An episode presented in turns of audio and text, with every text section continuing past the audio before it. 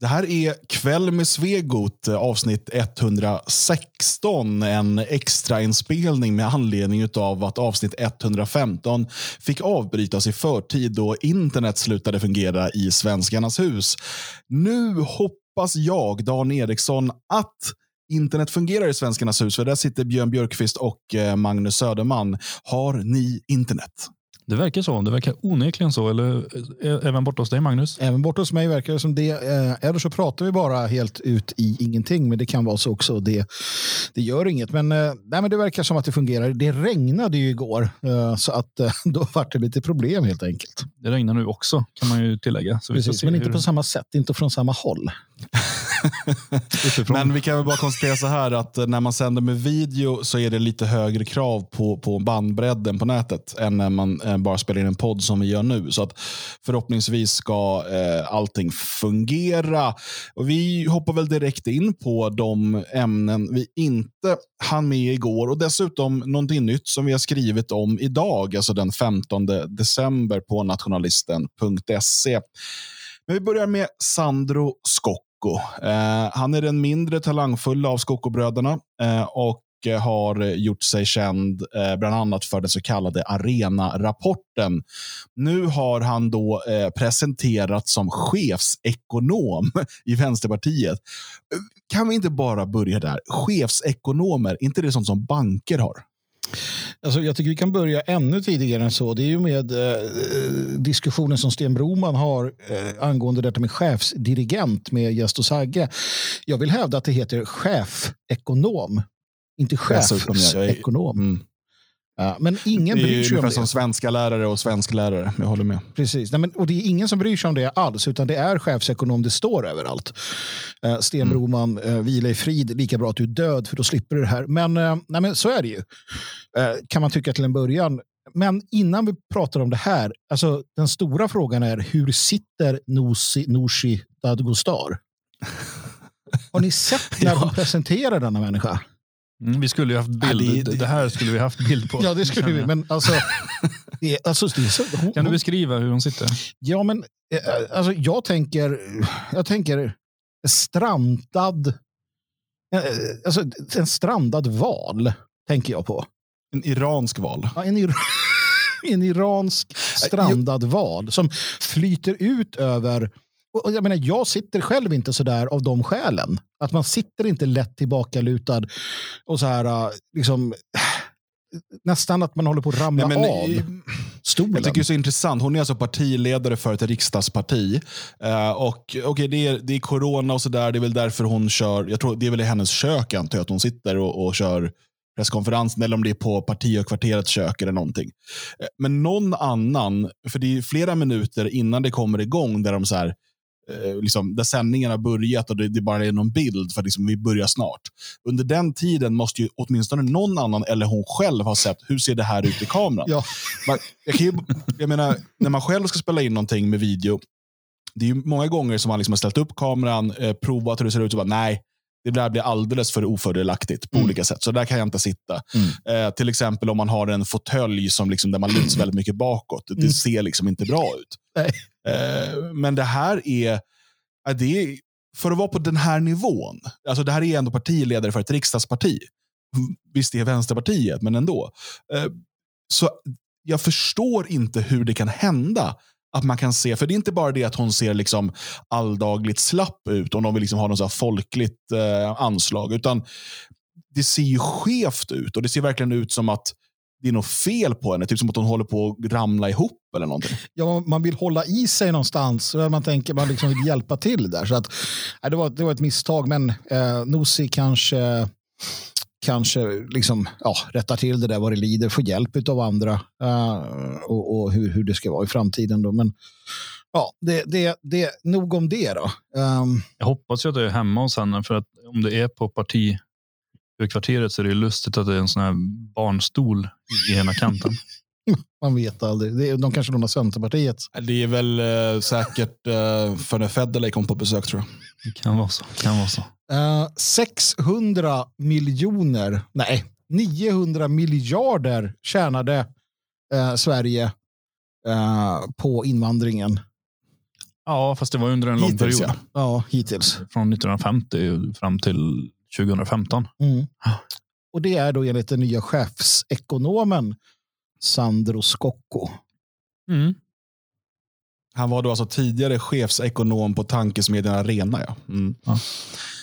Äh, Men alltså, och det där är ju, eh, den här så kallade Arena-rapporten har ju redan sågats med fotknölarna utav alla, eh, liksom något inför, innanför pannbenet. Eh, Men vad man har gjort där är att man då har hittat på hur mycket man tror att människor som invandrat till Sverige, eller deras barn tror jag också, ehm, vad de har betalat i ehm, skatt. Mm. Och, alltså inte bara då direkt på arbete, utan man har räknat med moms och liksom alla andra sådana här skatter som man betalar. Och, ja, men det borde bli ungefär så här mycket. Man har inte pratat något om kostnader då. Precis. Nej, och man har ju inte ens undersökt om det är så, utan det, det är ju ganska taget ur luften. Så här att, men vi höftar till Ja. med att så här mycket jobbar de, så här mycket pengar drar de in. Det är så mycket som blir skrämmande när man blir äldre och sätter sig in i hur saker och ting fungerar. För att man, man som, som ung och oförstörd så tänker man att när eh, arena, Arenagruppen kommer med en rapport eller när Svenskt Näringsliv kommer med en rapport eller när någonting sådär och det är rapporter, det är, det är presskonferenser så alla tar det, det publiceras, det är liksom sådär. Man tänker att det här är ett gediget arbete, det är ett hantverk, det är kloka människor som ändå, de kan tycka olika men de har suttit och de har gjort någonting. Sen visar det sig att i, i, sanningen är ju den att vi skulle kunna ha någonting vi kallar för liksom, ja, eh, svenskarnas husrapporter som vi ger ut. Där vi bara sitter och hittar på saker och bara pumpar ut det. För det är ju vad de här gör. Så han, han, behöver ju inte, alltså det finns ju inget, ingen, ingen kvalitetsstämpel alls, utan han har suttit Nej. och bara tänkt att jag tror att det är så här. Jag misstänker det här. Och sen skriver man det och presenterar det och tänker att ah, men så här är det. Alltså det finns ju ingen, ingen kvalitetsstämpel. Nej, och det är det här som visar också eh, hur, alltså, vilken makt media besitter. För det enda som skiljer eh, Magnus påhittade rapporter och eh, Arena-rapporten eh, är ju eh, att det ena kommer lyftas upp av medströmsmedia Ja, eh, som, och, och därmed få legitimitet. Ja, fast me- media fungerar ju så här. De jagar ju hela tiden efter några som helst bevis på att deras tes om att invandring är bra stämmer. Eh, Och därför har ju eh, Skocko också blivit anlitad gång på gång efteråt. När media ska skriva någonting om invandring, då ringer man till honom och sen oj, här fick vi tag på en, en eh, vad är det han kallas, forskare, ja, chefsekonom. Då. Här har vi en eh, ekonom som eh, pekar på att invandring är bra och då blir det trovärdigt. Ungefär som att man ringer Sarnecki när man vill prata om kriminalitet för att man vet vad han kommer säga. Det är ju inte han egentligen som är mäktig. som Han har ju till någon sån här, en av Sveriges mäktigaste personer, här Sarnecki. Men det är, ju, det är ju journalisterna som väljer honom för att han säger det de vill ha sagt. Och Det är ju likadant med, med Skocko här. Man ringer till honom därför att han för fram den nonsens som journalisterna vill styrka genom att ha ett namn bakom. Ja, Men ännu värre blir det också som när du Dan eh, kontaktade eh, kommun, eh, kommunstyrelsens ordförande till och med i Laxå kommun där du tidigare bodde. För han Mm. hade också gjort en rapport. Han hade också räknat. Han räknade på att man i Laxå tjänade enorma summor pengar på, på flyktingarna. Och när du ställde frågan, vad, vad, vad baserar du allt på? Då har han ju ryckt det ur arslet. Han säger ju det. Nej, men jag, Mm. jag tänkte att nej, men det blir ungefär så här. Liksom. Jag räknar så här. Och, Okej, och det bygger han Ja, hela nej, sin det politik var på. eh, precis det var hur illa som helst och helt eh, o, ounderbyggt. Det var verkligen bara en, en höftning vad han trodde. Och sen ja, men utgifter, ja, det blir väl lite, lite, lite socialbidrag och skola och sådär. Men han har inte räknat någonting. Och, återigen, det förvånande med det var kanske inte att en kristdemokrat eh, gör på det sättet eller så, utan det är återigen makten hos media. För det var SVT som sen lyfte fram det här. Laxå blir jätterika på invandring. Eh, och, och, och inga kritiska följdfrågor. För, och det är precis här, återigen, vi måste bara konstatera det. Makten för vad vi ska tro är sant och falskt ligger hos medströmsmedia. Vilket också förklarar varför man under så lång tid från just medströmsmedia har arbetat för att eh, inskränka sociala media eh, och, och liknande, YouTube och så vidare. Eh, för att det tar ju ifrån dem det som de själva kallar för problemformulerings... ehm, privilegiet, heter det va? Mm, Ehm, och, och, och det tas ifrån dem genom att det, man demokratiserar eh, mediemarknaden och alla får en möjlighet att presentera ah, det här är min min verklighet, så att säga. Det här är, det här är de rapporterna jag tycker ska lyftas.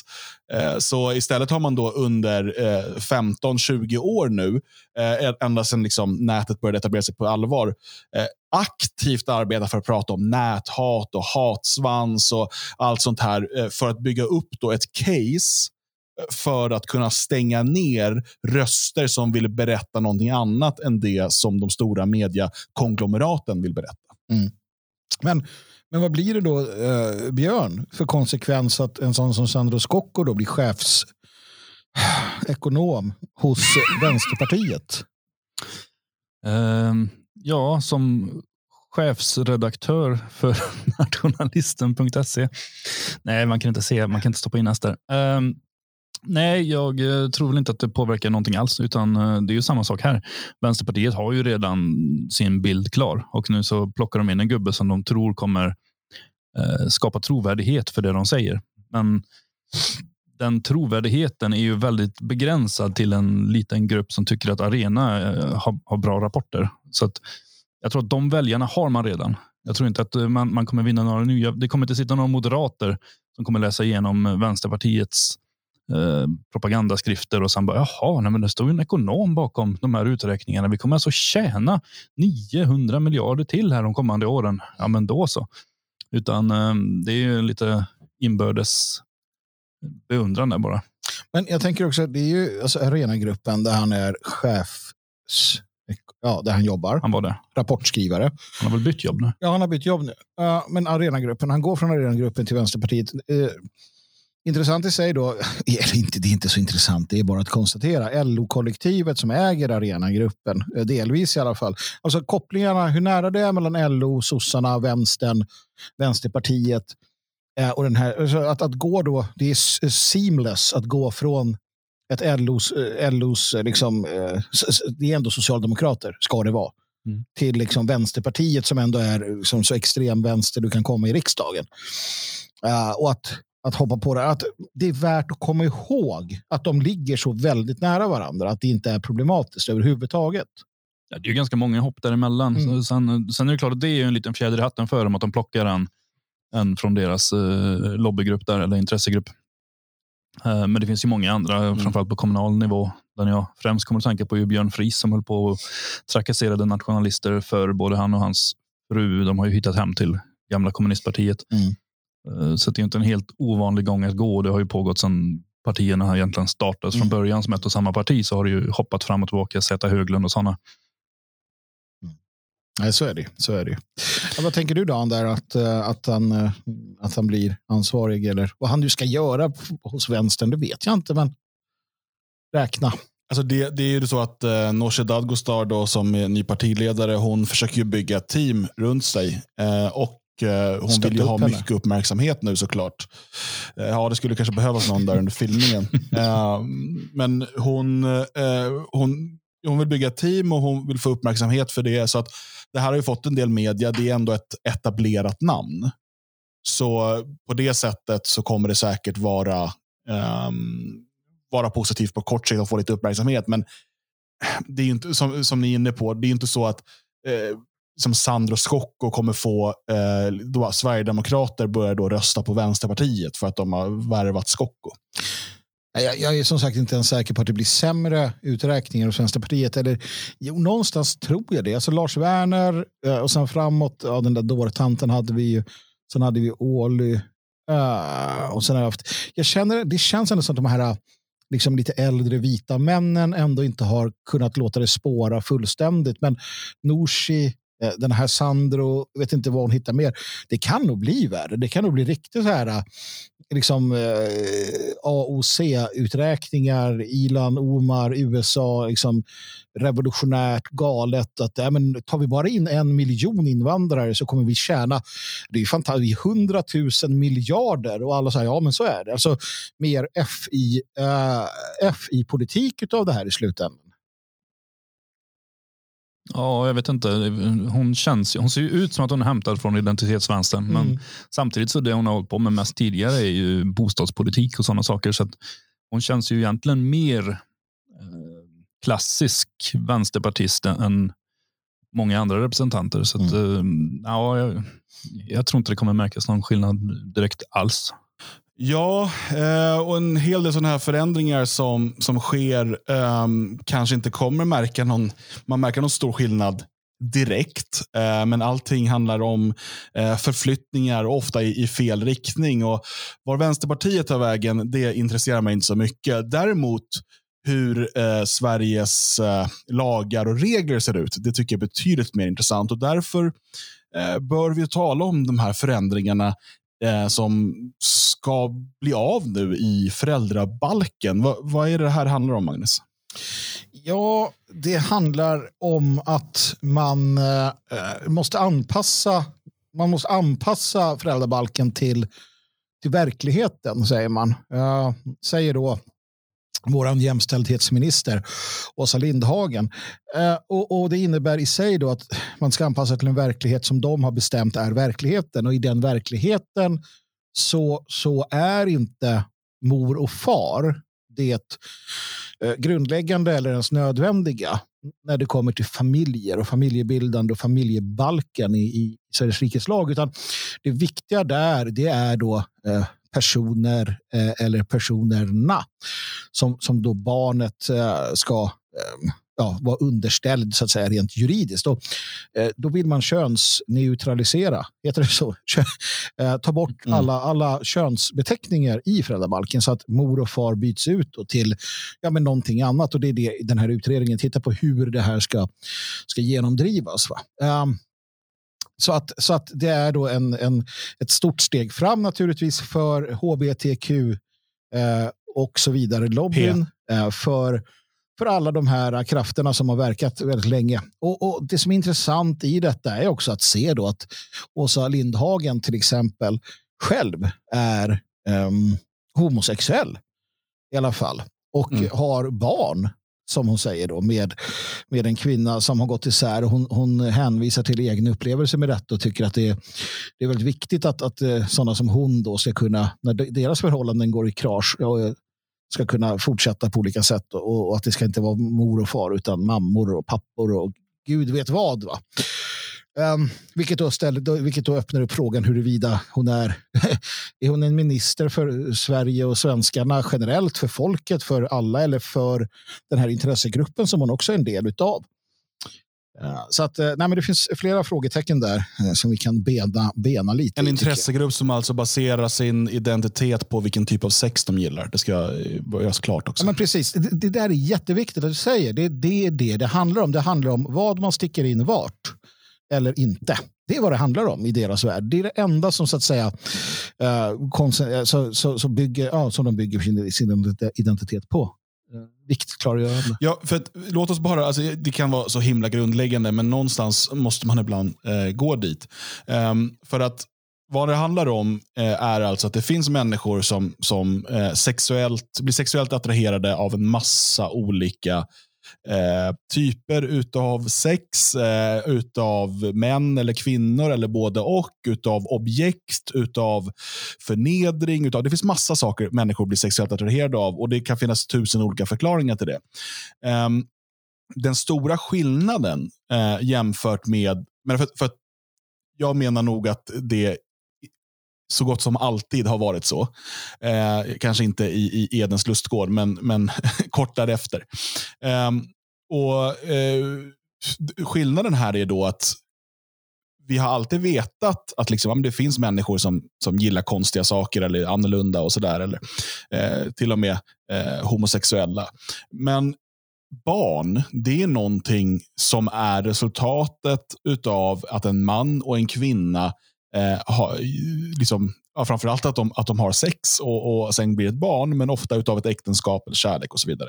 Förhoppningsvis i bästa fall. Men det har aldrig sett som att barn är någon typ av mänsklig rättighet som du ska ha rätt till att ha oavsett om du är eh, gift eller om, om du som kvinna lever med, med en man eller tvärtom. Eh, att det skulle vara någon typ av rätt vettighet. För det är just det det handlar om här. När de då sen har eh, fått till det här med eh, insemination och, och eh, sån här surrogatmödraskap och så vidare för att också homosexuella ska få ha barn. Eh, och, och eh, det här tas ju ännu längre i till exempel Danmark då, där ensamstående eh, kan få hjälp med insemination. Så att, eh, liksom, för att det är då din rättighet som, som kvinna framför allt Eh, att få barn. Och, och det, det, är därför man nu då måste ändra i föräldrabalken. För att vi har helt gått ifrån att, det, liksom, att barn är någonting som blir till av kärleken mellan en man och en kvinna. Det är liksom inte relevant. utan Barn är en, en, en ägodel, eh, en, ett, eh, ett liksom en accessoar som alla människor ska ha rätt att, att få ha. Och Då kan vi inte på prata om mor och far i föräldrabalken. För föräldraskap och eh, barnahavande det är ju helt olika saker. Precis, och det är det här som är det grundläggande problemet och eh, detta slippery slope, detta sluttande plan. För att någon gång så började man att så här, ja okej, okay, mannen och kvinnan de har barn, bra. Sen så, sen så börjar det dyka upp så här, nej men jag vill inte ha en, jag vill inte leva i ett förhållande. Men jag vill ha barn i alla fall. Och så börjar den diskussionen och så håller man på fram och tillbaka. Eh, och som sagt, Danmark gick ju väldigt långt i det där. Trots att man vet, till exempel, man vet ju att eh, om du växer upp som, som pojke i alla fall, i ett, i, om du växer upp som pojke med, med bara en, en mor utan manliga förebilder eller en, en, en pappa. Det, det, det är faktiskt det som behövs. Alltså en man som bor där och finns där. Och Jag säger en man för det behöver nödvändigtvis inte vara fadern. Det är lite beroende på när den här kliver in. Då, anknytningsperson som det kallas. Eh, så blir det inte bra. Det blir oftast väldigt problematiskt för det barnet eh, som växer upp, då, pojken. Eh, men det där kommer här också, det, det kan vi vara säkra på. Men därför skriver ju då Åsa Lindhagen Uh, på sin Twitter i samband med det här. Att, uh, och, och, Det är intressant att se hur hon formulerar sig. Hon skriver viktig dag för alla regnbågsfamiljer. Nu tar vi steg framåt för att anpassa lagstiftningen efter verkligheten. Familjer ser olika ut och samhället ska inte göra skillnad på människor utifrån kön eller sexuell läggning. As simple as that. Och så bögflaggan då.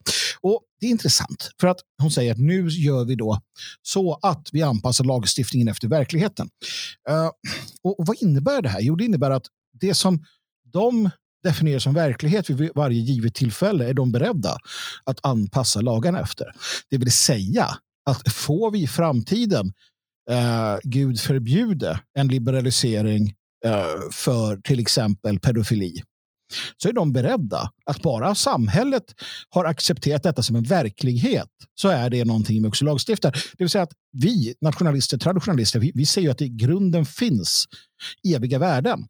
Och de tallar vi inte på. Men här förkastar man ju dem. Och det är ju det som skiljer oss åt. Och när de, alltså det är det här det slutar med. Det kan bli vad som helst. Det här är inget att hylla. Det här är något att begråta. Mm.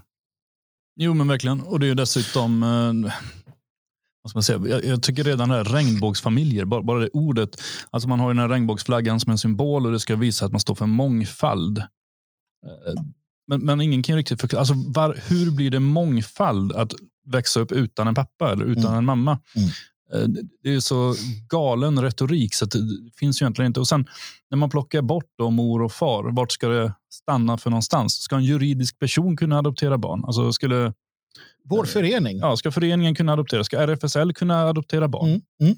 Um, vart kommer det stanna för någonstans? För att om det inte behövs en mor och en far, om man inte har det som utgångspunkt, som ideal, så kan det ju spåra hur långt som helst. Och då kan ju vilken förening som helst, eller alltså, tokig katolsk kyrka kan börja adoptera massa ungar, massa småpojkar som ska vara där. Och det finns ju inga gränser. Alltså man måste ju ändå, det är ju självklart så kommer inte alla växa upp med en mamma och en pappa, men mm. människor dör och de skiljs och allt möjligt sånt där. Men idealet måste ju vara en mor och en far. Mm.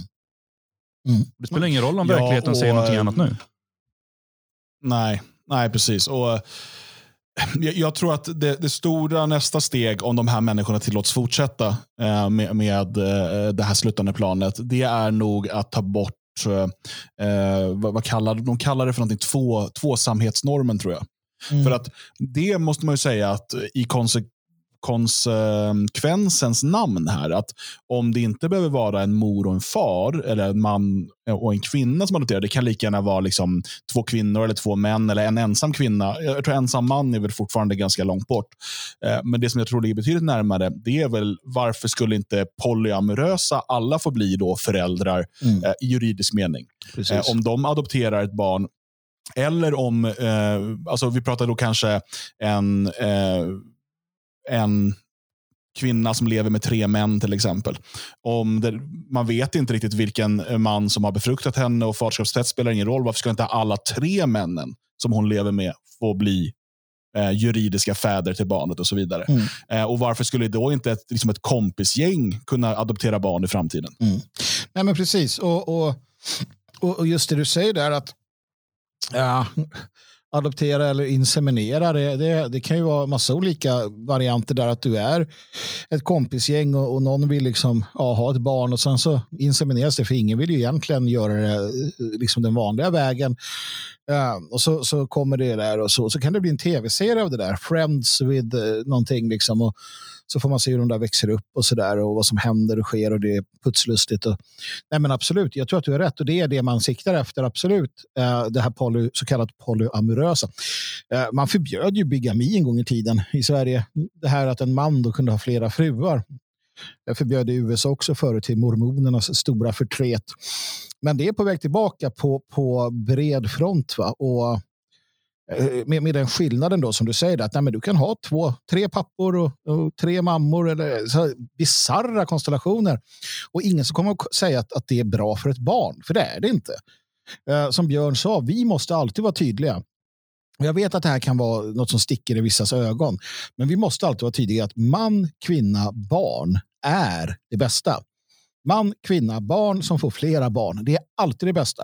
Som gifter sig tidigt, får massa barn, inte skiljer sig och, och, och liksom lever och växer på det sättet. Det är det absolut bästa i alla världar. Ehm, allt annat är lite sämre och vissa saker är mycket sämre. Men, men det är så att säga baseline för vad som är bra och vad som är dåligt. Um, och, och, Samhället måste vara överens om det här. Det, det måste vara den grundläggande premissen Uh, liksom man, kvinna, barn. Skilsmässa, dumt. Växa upp, med en, eh, väx upp ensam med pappa eller mamma, dumt. Uh, mindre bra och så vidare. Och, och det, det, är det man utgår ifrån. Annars så finns det ju ingenting. Och det är det som vi har hamnat i. Det finns ingenting. För att människor blir kränkta. Ja, men min pappa övergav oss. Nu blir jag kränkt om du säger att det är på ett visst sätt. Så det får du inte göra. Då, då anpassar sig hela samhället istället för att ja, men du får bli kränkt du vill. Eh, vi hoppas det går bra för det i alla fall. Och vi ska ge, ge dig all hjälp vi kan och stötta upp hela den här eh, med, med samhället. Men eh, det är bättre att ha en pappa, en mamma och, och att de har barn. Jo, och, men det är där som eh, samhället behöver eh, liksom ramar och Eh, eviga värden. Och, och, det är ju, är det någonting som, ehm, som kritikkulturen har syftat till så är det ju just att slå sönder allt sådant. Eh, så att det, liksom, det finns ingenting objektivt rätt eller riktigt. och Allt är egentligen lika bra. Och, och Mår du bra av det så är det bra för dig. Eh, och, och då, är, då, då, är det liksom helt okej. Okay. Och det, det, finns bara eh, det och du. Eh, och det, det, här är ju det, det, som vi ser nu med då förändringarna i föräldrabalken det är ju bara konsekvenserna av ett kulturkrig mot den västerländska civilisationen som har pågått under, under väldigt lång tid och intensifierats efter 1968. Mm. Ja, men hur vågar de? Och hur vågar de Eh, att säga att, eh, vilket ministern gör, att nej, men, hela utredningen den utgår från ett barnrätt, eh, barnrättsperspektiv. Eh, det är för barnens bästa. FNs barnkonvention är lag. Det här gör vi för barnens skull. hur vågar de? Jo, för att ingen säger emot tillräckligt mycket. Det är väl klart så. Men, men de har redan på förhand bestämt att allting som har med kön att göra ska bort ur lagen. Det är själva utredningens syfte att, att hitta på nya ord och, och, så. Då har man ju redan bestämt att det är det bästa för barnen. Det bästa för barn det är att, att, uh, att man inte behöver hänga upp sig på om du har tre mammor och två pappor eller två pappor och två mammor. Det spelar ingen roll. Ingenting spelar roll. Det är inte bäst för barn. Det, det, det, jag menar, det är ju någonting som de tvistar om.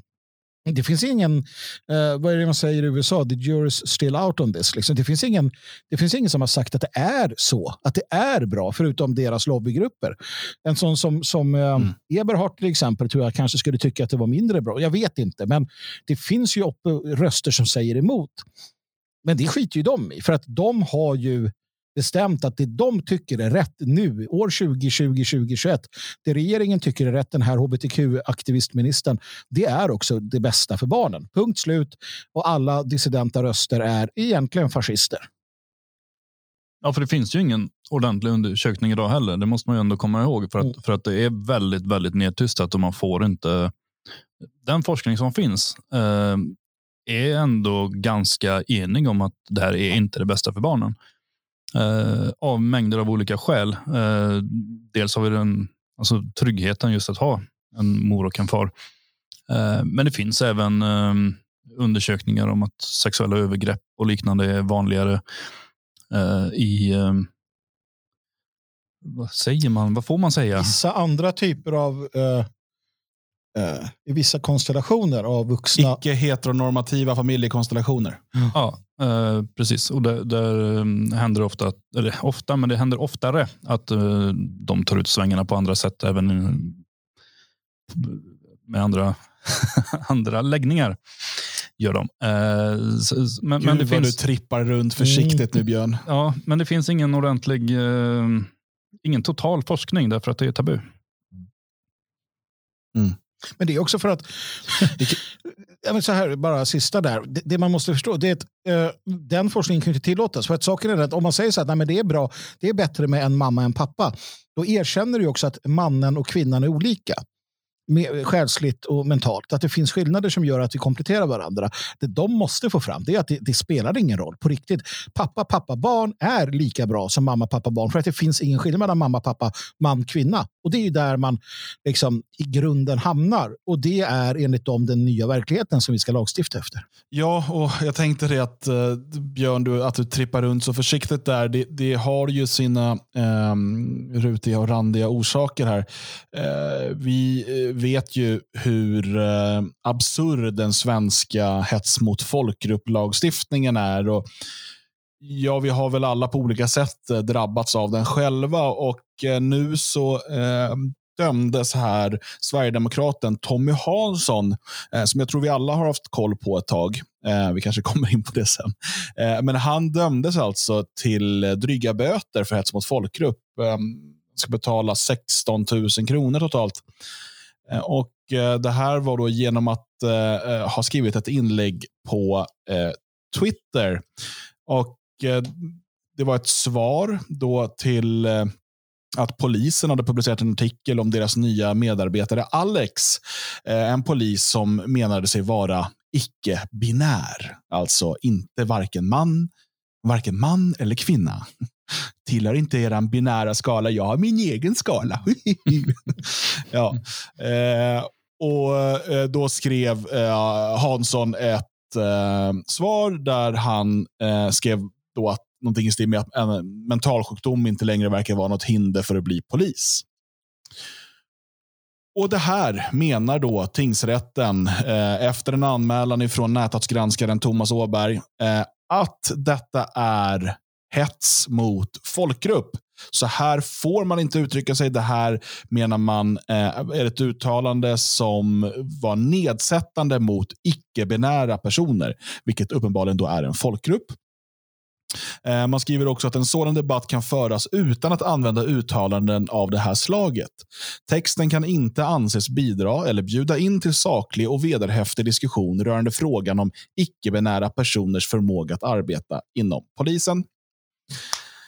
Um, ja, icke-binära eh, folkgrupp eh, bara det var en överraskning för mig i alla fall. Jag visste inte att de också tillhörde detta, men uh, det här var ju något vi varnade för när man, när man uh, ja, vi har ju varnat för den här lagstiftningen länge, men man inför ju då att homosexuella, men då är det ju nu alltså hbtq och så vidare, alltså uh, alla Eh, som upplever sig som någonting annat än, än det som är så kallat klassiskt normalt eller normativt. Det, det ingår i den gruppen. Eh, och du får inte säga att en person som då kallar sig, och jag menar, nu är vi inne, det här är ju science fiction, eller inte ens det, det här är ju bara fantasier. Uh, de får väl döma mig för någonting då. Men alltså det är ju fantasier. Om du säger jag är, var, jag är inte man och jag är inte kvinna, jag är någonting annat, så, så har du ju bara fel. Uh, för att du är man eller kvinna.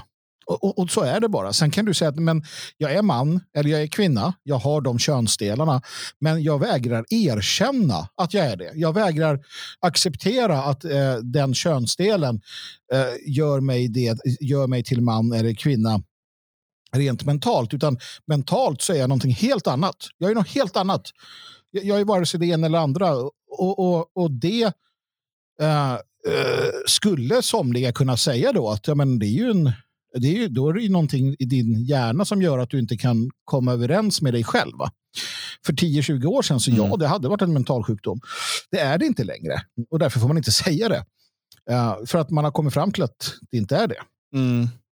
För att det var ju så att 2018 så klubbade man igenom uh, att hets mot folkgrupp också, där skulle det läggas till um, så här står beslutet. Regeringen har föreslagit att könsöverskridande identitet eller uttryck läggs till i bestämmelsen om hets mot folkgrupp i tryckfrihetsförordningen och brottsbalken samt i bestämmelsen om olaga diskriminering i brottsbalken. Och det här beslutades och klubbades igenom. Eh, kammaren biföll detta förslag den 16 maj 2018, så att det är, väl då eh, lag nu. Um, så att könsöverskridande identitet eller uttryck, och det är väl det det här är antar jag. Ja, men det är ju jättekonstigt i alla fall. Jag hade missat att det hade tillkommit eh, det här. Eh, jag vet inte, eller glömt bort kanske. Jag vet inte. Det kommer så mycket konstiga saker hela tiden. Men det är sedan 2019 har vi alltså den här lagstiftningen och det är fantastiskt konstigt. Eh, dels av rent språkliga skäl. Man borde ju döpa om den här lagen nu. Alltså, folkgrupp har ju verkligen blivit utvidgat från att handlat om folkgrupper till att nu handla om Ja, för, första steget man gick ifrån det var att alla invandrare kunde räknas som en folkgrupp. Mm. Som något generaliserande om invandrare så var det. Men sen har det spårat ur totalt med, med homosexuella, alltså sexuella läggningar och nu har man lagt till det här också. Det är alltså olagligt att hetsa mot de som tycker att de inte tillhör något kön, men det är eller de som tycker att de tillhör ett annat kön. Men däremot om man hetsar mot alla män eller alla kvinnor så är det inte hets mot folkgrupp bara där är ju lite intressant om de nu vill bli behandlade likadant. Man kan fortfarande säga att nej, men alla kvinnor borde stå i köket, men man kan inte säga att alla icke-binära borde stå i köket. nej, och vad, vad sa lagen? det är underligt. Dan, vad sa lagen? Alltså de som inte... Alltså var det sexuell läggning och köns... Ja, sexuell läggning har ju varit ganska länge nu. Uh, men det nya är då könsöverskridande uh, eller, eller könsidentitet. Men, men då är det ju, alltså, uh, då är det ju, hade det bara funnits en modig pedofil, och med det menar jag alltså en som är beredd att driva frågan, så kan han ju vinna. Eller hon. Var är alla modiga pedofiler? Nej, men, alltså det är ju frågan, för det hetsas ju rätt grovt mot pedofiler allt som oftast det är nästan så att jag vill se att en av dem säger okej, okay, men fine, nu stämmer jag er. Och så får vi se vart det leder.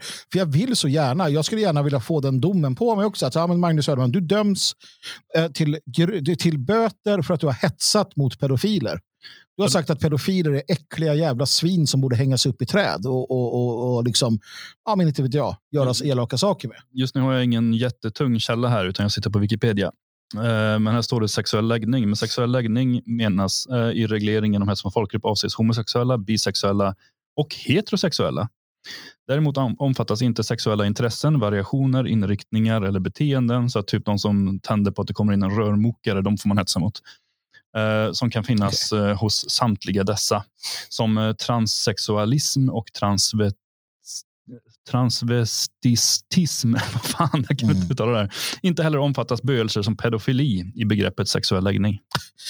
Okej, okay. men, men, men däremot att du är född som man eller kvinna och vägrar erkänna det uh, och, och, att du tillhör ett tredje kön som, eller ett, något, något, du, du är något helt annat uh, som aldrig har erkänts någonstans förutom de senaste 10-20 åren, uh, det, det kan du dömas till att betala böter om du säger att det är lite, lite knepigt. Det är ju en men, men, men sen alltså, vad räknas som könsöverskridande? Om, om vi säger att, att, att man är begåvad med en, ett väldigt litet kön mm. och säger att det är enormt och blir retad för det. Är mm. det hets mot folkgrupp då? Ja, ja, jag tycker det i alla fall. Men, men jag ska bara säga att, eh, för det, stå, det står ju där då att heterosexuella även räknas med. Men sanningen är ju den att i teorin så räknas ju även svenskar med i lagen om mot folkgrupp. Mm. Eh, Norrköping tingsrätt konstaterade ju dock att, så här skrev man, behovet av att inskränka yttrandefriheten beträffande uttalanden som riktar sig mot majoritetsgrupper torde enligt tingsrättens mening inte göra sig gällande i lika stor utsträckning som i förhållande till minoritetsgrupper. Um, och eh, man, man konstaterar då att med beaktande härav och av att undantag från yttrandefriheten ska ske restriktivt bedömer tingsrätten att en inskränkning av yttrandefriheten inte kan anses nödvändig i detta fall. Och Det här var ju då eh, efter att Eh, eh, en person, eh, en jude tror jag om jag inte minns fel, skrev då att nära varje svensk är en potentiell sexförbrytare som inte hyser respekt för judar och andra. Svenskar beter sig som djur. Han vill gå så långt som att säga att svenskar, såväl etniska som kulturella svenskar, jämförda med andra folk är ohyra, vidriga ohyra. Ehm, det här gjordes, som jag förstår det, till viss del för att provocera fram en anmälan för att se om man kunde bli dömd för detta. Eh, och Då konstaterar man helt enkelt att eh, ja, svenskar kan skyddas mot folkgrupp, men det krävs mycket, mycket mer. Eh, eftersom att de är, svenskarna är då majoritetsbefolkningen. Eh, och det, då tog det ju samma eh, resonemang gälla även för eh, heterosexuella antar jag. Mm. Ja, absolut. Och då ska man ändå komma ihåg att det finns ju många skolor till exempel där svenskar är i minoritet. Eh, där det till och med finns eh, så kallade minoritetsgrupper enskilt som är större. Araber till exempel.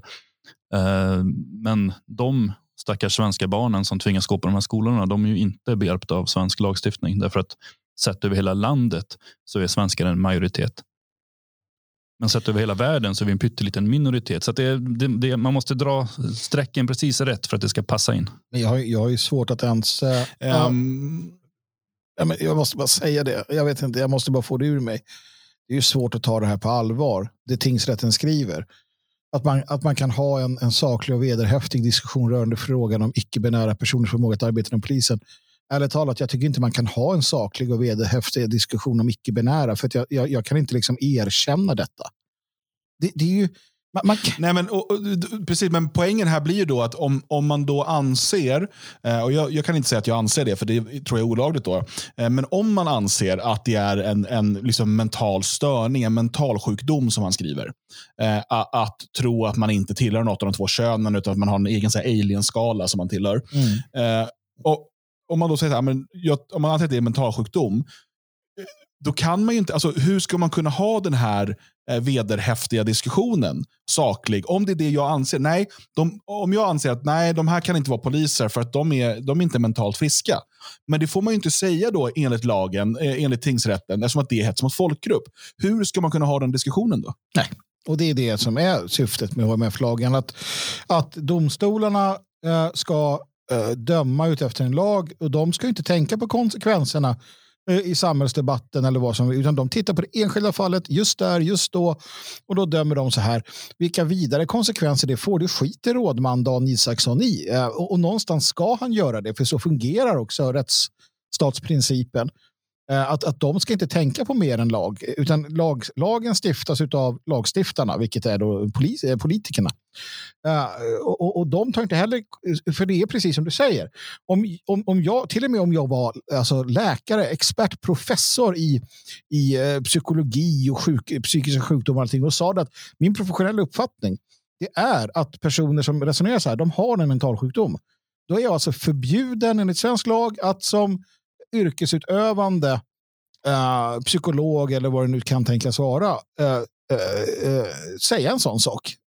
Och, och, där faller ju allt. Då är det bara att hålla käften och acceptera att okej, okay, icke-binära, det är untouchables. Eh, och nästa, okej, okay, så går vi vidare och hittar nya, nya liksom, personer som tycker något annat som ska driva igenom sin. Och sen sitter vi där till sist och all, everything goes. Allt är, allt är bara som de vill.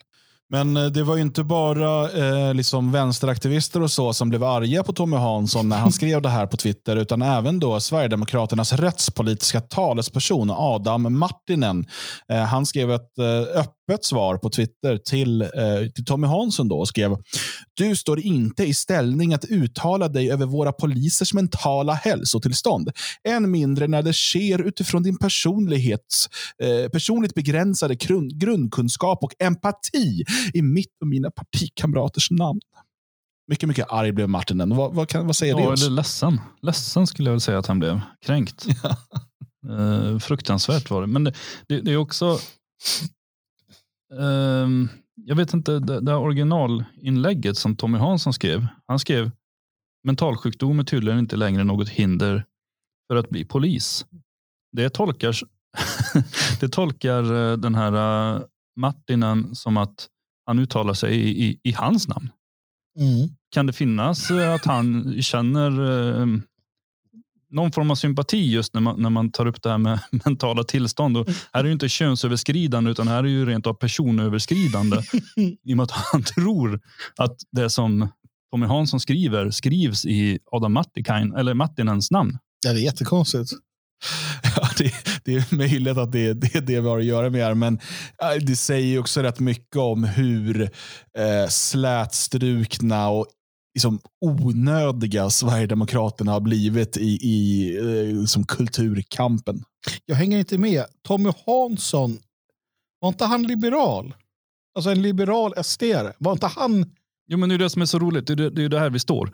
Uh, vi som har haft glädjen eller vi som har sett Sverigedemokraterna i ganska många år mm. kommer ihåg så här, Anders Klarström. Mm, mm. Eh, han efterträddes av Mikael Jansson. Som, han var liberal. Li, ja, eh, Jansson han uh, liberaliserade vissa bitar. Det var ju främst uttryck och så. Mm. Kanske ganska rimliga. Mm, mm. Man, man, till exempel gick runt med klisterlappar och satte på folks kläder. Så att ni ska inte gå runt med hakkors i våra demonstrationer. man körde inte ens iväg dem utan man klistrade över dem. Ja. En liberalisering. Ja visst, men kanske en vettig sådan. Mm. Um, sen uppstod det ju någon slags konflikt där. Uh, och det var väl Tor Paulsson och det här gänget som uh, ville ta över makten mm. eftersom att Jansson hade blivit så liberal. Och um, då var ju han han var ju den liberala och det andra gänget som kom att bilda Nationaldemokraterna var ju de radikala, om vi använder de uttrycken mm. som används ganska mycket i de här kretsarna. Det går några år och Jansson blir utbytt mot um, vet han, Jimmy Åkesson. Mm. Och så tar det några veckor och då är plötsligt Jansson den radikala i partiet mm. och Åkesson den liberala. Just det. Uh, in kommer då den här uh, Hansson mm. i Södertälje som kommer från liberala kontra. Han uh, driver på väldigt mycket liberaliseringar. släpper in massa vad är det? olika invandrargrupper Just i partiet. Det, Södertälje, precis. Det är där. Ja. Eh, mm. Så att han blir den liberala i partiet. Väldigt liberala. Ja. Eh, nu, nu står han, alltså den liberala jämfört med den liberala, jämfört med den liberala, jämfört med den liberala, står där nu och är den radikala mm. plötsligt i, i, när det kommer till kulturpolitik och eh, de, den formen av frågor. Och då ska vi komma ihåg att ingen av de här människorna har någonsin egentligen bytt åsikt. Nej, det är det som är så kul. Utan det, det... Micke Jansson, han är ju numera eh, AFS-politiker, ska du komma ihåg. Ja. Nej, men som du säger, de har ju inte bytt åsikt. Nej. Utan det är no vad är det som har, då, då är det något annat som har hänt. va? Det, det, har ju skett en förskjutning inom Sverigedemokraterna, mm. steg för steg för steg, där hela tiden de som har varit pådrivande för en liberalare politik, vi använder ordet liberalt lite slarvigt här, mm. men de flesta förstår nog vad vi menar. Eh, de som har drivit på plötsligt har blivit de lite radikalare och som så småningom till och med kunnat bli uteslutna för att de har varit så radikala och inte passat in. Fast de säger samma saker nu som de gjorde för fem sex år sedan när de var liberalerna. Kan man säga att mm. revolutionen äter sina egna barn också här? Ja, om revolutionen i, det här, eh, i den här kontexten handlar ju om anpassning till det nuvarande eh, kulturella eh, paradigmet. För det, det, är ju vad Sverigedemokraterna har hållit på med under lång tid. Och, eh, kanske kan man säga att det var ett sluttande plan redan när Jansson började sätta klisterlappar över folks hakkors. Eh, samtidigt så kan man ju tycka att liksom, vissa förändringar kanske var nödvändiga i partiet för att komma någonstans. Ehm. ja, fast man släppte ju även, man släppte ju även de etniska aspekterna med, med Jansson, vilket eh, de som kom att bilda Nationaldemokraterna var kritiska mot. Precis, och där hade vi ju den, den första stora splittringen i Sverigedemokraterna eh, mellan 99 och 2001 då, när Nationaldemokraterna först bildades som en intern grupp i partiet och sen då blev ett, eh, ett eget parti eh, efter att de uteslöts alternativt hoppade av beroende på vem man frågar. Ja, innan hade vi även Hembygdspartiet som bröt sig loss. Just det, just det. Ja, det var ju ännu tidigare. Det var väl 90, var det 98, 96? Ja, sent 90-tal i alla fall. Det. Ja, nej, så det har funnits lite sånt där. Men, men eh, man måste ju också konstatera då att även om vissa saker behövs liksom städas upp och fixas till så eh, har ju eh, Sverigedemokraterna uppenbarligen i de här värderingsfrågorna tappat väldigt, väldigt mycket och är ingenting att eh, hålla i handen när det blåser kallt. Va? Nej, men för att det, det, den, den frågan alla måste ställa sig, eh, och jag tycker man ska göra det också kring, kring SD som de flesta ändå har någon relation till och man, man vill ändå tro att det ska vara bra på något sätt. Jag, jag är ju fortfarande kvar där trots mot bättre vetande. Man vill liksom att det ska finnas ett hopp där. Och, och men när till exempel då Hilda Frick eh, går från Feministiskt initiativ, vill jag minnas, till, till SDU helt problemfritt eh, och egentligen inte ändrar sig mer än att hon är kanske lite kritisk mot hur, hur feminismen uttrycktes i Fi och hur den alltså särart hit och dit eller vilken typ av feminist det var. Men, men kommer helt, helt uh, seamless in i SDU, pratar aborter, pratar alltså gör allting som hon gjorde tidigare. När det sker på det sättet då måste ju människor fråga sig, för det är ju inte så att hon hade så här, nej men jag går med i, jag går med i, inte vet jag, ta något annat parti. Uh, motståndsparti, motståndsrörelsen. Kristdemokraterna. Ja, ja, men jag går med där eller någonstans och så här, jag kör bara på och byter. Det går ju inte. Um, men, men till SD går det. Det går att vara hyperfeminist, abortförespråkare och, och vilja ha hbtq och bara så här. Shh. Och vart är det här värdekonservativa? Vart, vart är liksom... Nej, partiet kallas ju väl socialkonservativt. Ja. Och jag kan hitta de sociala bitarna, mm, det, det, kan mm. jag göra. Men det konservativa, jag vet inte om man tycker att man har det i ekonomisk politik. Jag är tveksam. Uh, definitivt inte i, i kulturfrågor. Nej. Eh, KD kunde ju för övrigt ha Jag är inte säker på att liksom eh, Bismarck hade varit superimponerad över Martinen till exempel. Nej, men jag vet inte. Åkesson sa ju i någon intervju, jag vet inte om det var med någon bögtidning, men det handlar i alla fall om bögfrågor. Mm. Det här med att han så förklarar han ju det med att de var konservativa och det var att det, det tar lite längre tid att anpassa oss. Mm. Så att um, de, de, de, står emot när det kommer. Sen när de förlorat striden, då anpassar de sig efter mm. det och så blir de för. Precis, och det är det här som diskvalificerar dem faktiskt uh, i, i grund och botten. Um, så att. Uh, ja, vad, vad är härnäst liksom? Ja, jag tänker att vi den här, det här extra, eh, den här extra podden ska eh, få avrundas med något som ändå kan ses som någonting positivt. tänker jag. Ehm, och, eh, vi har talat en del i tidigare program om de här nya försöken till gemensam migrations och asylpolitik i EU. Dublinförordningen EU fungerar inte helt enkelt. Det här med att man ska söka asyl i första, eh, första land man kommer till och så vidare. Eh, för i sådana fall hade ingen sökt asyl i Sverige och så vet vi att det inte är. Ehm, eh, men då har det jobbats återigen på eh, liksom en, en, gemensam politik för det här. Eh, men eh, det verkar ha inte gått så bra den här gången heller, va Björn? Nej, det är nästan som att, att det är svårt att sätta ett stort antal länder med väldigt olika historisk bakgrund och, och tro att de ska fungera precis likadant. Um, det är helt enkelt hopplöst har det visat sig. Uh, den här gången så var ju planen att man Första planen var ju att man skulle dela ut invandrare eller asylsökande i hela Europa. Varje land skulle få sitt. De kommer till Grekland och Spanien och de här länderna och sen så ska de bara slussas ut överallt. Det här motsatte sig ehm, Ungern och Polen. Jag tror det var några länder till, men det är framförallt de som lyfts fram för det är de media är mest arga på. Eh, de motsatte sig det och eh, då försökte man komma på en annan lösning. Tyskland har ju stressat på för de är ordförande land och de vill ju verkligen bevisa att det här löser de.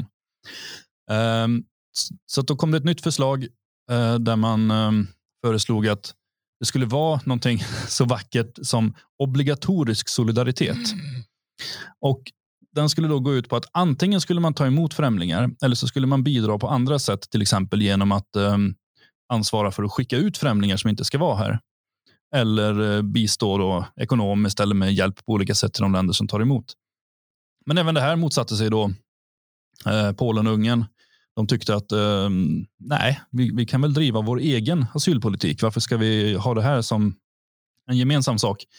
Medan ehm, Spanien, Grekland och några till som är oerhört drabbade i och med att de ligger närmast den yttre gränsen också var förbannade på det här för de tyckte att det här måste delas upp för att de, de är väl väldigt trötta på, på de här förläggningarna hos sig och inte minst får man väl tänka turistparadisen som just nu har blivit stora flyktingförläggningar. Det, det, det drar inga eh, turister sen framöver om det fortsätter vara så. Så att man satt där igår, ministermötet, och eh, försökte komma överens och det slutade med att man kom fram till att man var lite mer överens än tidigare, men, men fortfarande inte alls överens. Så att nu går det vidare och eh, ja, det blir nästa land då på, på tur, Portugal, som ska ta över det här arbetet med att ena alla. Det är ju fantastiskt att eh, man måste tvinga solidaritet. Precis som att man var tvungen att lagstifta i Sverige och ta bort kommunernas självbestämmande om huruvida man vill eller inte vill ta emot. När vi vet att eh, Sandro Scocco säger att vi tjänar 900 miljarder över tid på det då Konstigt, konstigt. Ja, eh, mycket, mycket underligt att de inte får igenom detta. Eh, och det här är ju, jag, jag brukar ju uppmana mina eh, polska och ungerska vänner att de, de ska liksom försöka komma ur EU. Men för vår skull kanske är det bra att de är kvar. så de stoppar de här idiotin. Alltså, visst, det här kommer inte hjälpa Sverige eftersom att vår, eh, vår galna lagstiftning kommer göra att folk fortsätter söka sig Eh, till oss. Och, eh, så att, så att, men det hjälper ju åtminstone Polen och Ungern lite till att de kan hålla, hålla eh, stången den värsta den värsta invasionen. Och jag, alltså jag har full förståelse för eh, grekers och, och spanjorers eh, desperation. Eh, men det man bör göra här, alltså hade vi haft ett, ett EU som fungerar så som ett EU borde göra, det är istället se till att okej, okay, då säkrar vi gränsen tillsammans. Eh, mm. Då ser vi till att inte en enda båt kommer eh, till, fram till EU. Eh, och det är, liksom det, det är ju det sättet man kan göra det på. skicka en tydlig signal att inte en enda person som kommer den här vägen kommer få komma in i den Europeiska unionen. Men det är man inte beredd att göra. Nej, det vill man absolut inte göra. Och det, det är lite lustigt här. Ylva Johansson, vår svenska delegat, det var hon som ansvarade för den nya rapporten, eller nya förslaget. Och hon sa ju till Sveriges Television när hon skulle berätta om vad det var hon hade, nu skulle presentera att det är en kompromiss som ingen kommer jubla över. Men eh, hon trodde ändå stenhårt på den att det här, det här kommer verkligen eh, bli någonting som vi kommer sluta upp bakom i och med att det var sånt kompromissande. Då. Men uppenbarligen inte alls därför att um, länderna står så pass långt ifrån varandra. Vi har några länder som överhuvudtaget inte vill ta emot några främlingar alls. De har sett Sverige och Tyskland och flera andra länder hur vi har utvecklats. Man vill inte hamna där. Så för dem är det helt uteslutet. Och sen har vi till exempel Sverige och Tyskland som har tagit emot väldigt många och tycker att nu är det andras tur att drabbas av det här. Mm. Um, det, det, är ju inte alltså, obligatorisk solidaritet. Det handlar alltså om att vi ska påtvinga andra länder främlingar för att vi har börjat upptäcka att det här håller inte. Ja, är, nej, men när, man, när man just betar ut det på det sättet så, så blir det ju extra, extra bisarrt faktiskt. Det, det är så svårt att att det här kan fortsätta år ut och år in och ändå rapporteras om och ändå pratas om och, och ändå vara så tydligt att, att det hela tiden blir påtvingat. Uh, och, och, och så ska det liksom, ja. Uh, det är så svårt att ta det på allvar. Liksom. Sen blir ju grejen att oavsett vad man kommer fram till så kommer ju Sverige drabbas. Ja. Det, det, är ju det som är... Men nu så återgår vi till det gamla. Det är Dublinförordningen som gäller. Eh, det vill säga en, en lag som alla skiter i. Mm. Så att folk kommer fortsätta eh, först hamna där nere, eh, hamna i stora läger. Ett antal kommer ta sig därifrån och vandra mirakulöst upp till Sverige där de har släktingar, där de har eh, vänner och bekanta som redan finns här. De har nätverk, de har eh, allt de kan behöva plus att det är ganska lätt att få stanna. Och, och, Socialdemokraterna kommer sen stå inför väljarna eller när Moderaterna kritiserar dem och säga att det här beror på att Ungern och Polen har satt sig emot ett samarbete. Vi kan inte göra något, vilket man absolut kan därför att vi har en EU-lagstiftning som säger att vi ska inte ha dem här. De, de ska prövas där borta dit de kommer först. De ska inte komma hit överhuvudtaget. Så säger lagstiftningen. Men sossarna kommer stå och skylla på de länder som inte vill rasera sina länder. Men är det inte bra då att vi har äntligen eh, en lösning i till exempel sådana som Bert Karlsson. Denna, denna, detta flaggskepp, denna Sverigevän som så jävla många applåderar och hyllar för att han säger lite bra saker någon gång då och då. Som nu ska göra allt han kan för att sprida ut utlänningarna i Sverige ännu mer på små kommuner och se till så att de kan få bo och, och så uppmanar sina lyssnare och läsare att, att, att hyra ut sina lägenheter och vad det kan tänkas vara. Det är inte fantastiskt ändå att det finns eh, denna typ av jag var bara tvungen att ta upp det där, för jag var så jävla arg. Ursäkta. Jag, jag, tänker också att en annan sak som gör att fler kommer ta sig till Sverige, eh, det är ju att med den här nya eh, migrationspolitiken som, som regeringen vill driva igenom nu, där ska man ju, eh, det ska vara lättare att få stanna om man har byggt upp en anknytning till Sverige. Mm. Mm. Alltså har man bara hållit sig i Sverige tillräckligt länge, så ska man då belönas eh, med ett till slut ett permanent uppehållstillstånd. Mm. Eh, och Den lagändringen eh, är också en sån sak. Som, då är det liksom, ta det till Sverige, håll på att överklaga in absurdum, kanske gift dig med någon, men liksom håll på och så, då kommer du få stanna. Mm. Mm. Jo, så är det. Jag vet inte, du sa att mm. du hade en glad nyhet att avsluta det här programmet med. Jag väntar. Ja, det, det, jag är glad med det är ju att EU har eh, fått en ny eh, slogan. Eh, och Det var den eh, som Ylva Johansson presenterade. Europeiska unionen, en kompromiss ingen blir glad över. det, det är väl... Ja. ja, det är trevligt. Så är det. Något sånt. Mm. Nåväl, den här eh, extra, eh, det här extra avsnittet lider mot sitt slut. Och Det är faktiskt så att eh, nästa år så kommer du som gillar Kväll med Svegot att kunna få ännu fler sådana här extra avsnitt. Förhoppningsvis inte bara för att internet inte funkar på måndagskvällar, utan för att vår plan är att på fredagar också komma ut med en extra podd. Ehm, alltså inte video, utan bara som podcast som kommer vara exklusiv för dig som är prenumerant på Svegot Plus och därmed är med och ser till att det här blir möjligt. Inte bara vårt program, utan allt annat som eh, produceras. Eh, det kommer ju minst en podcast om dagen på, på Radio Svegot.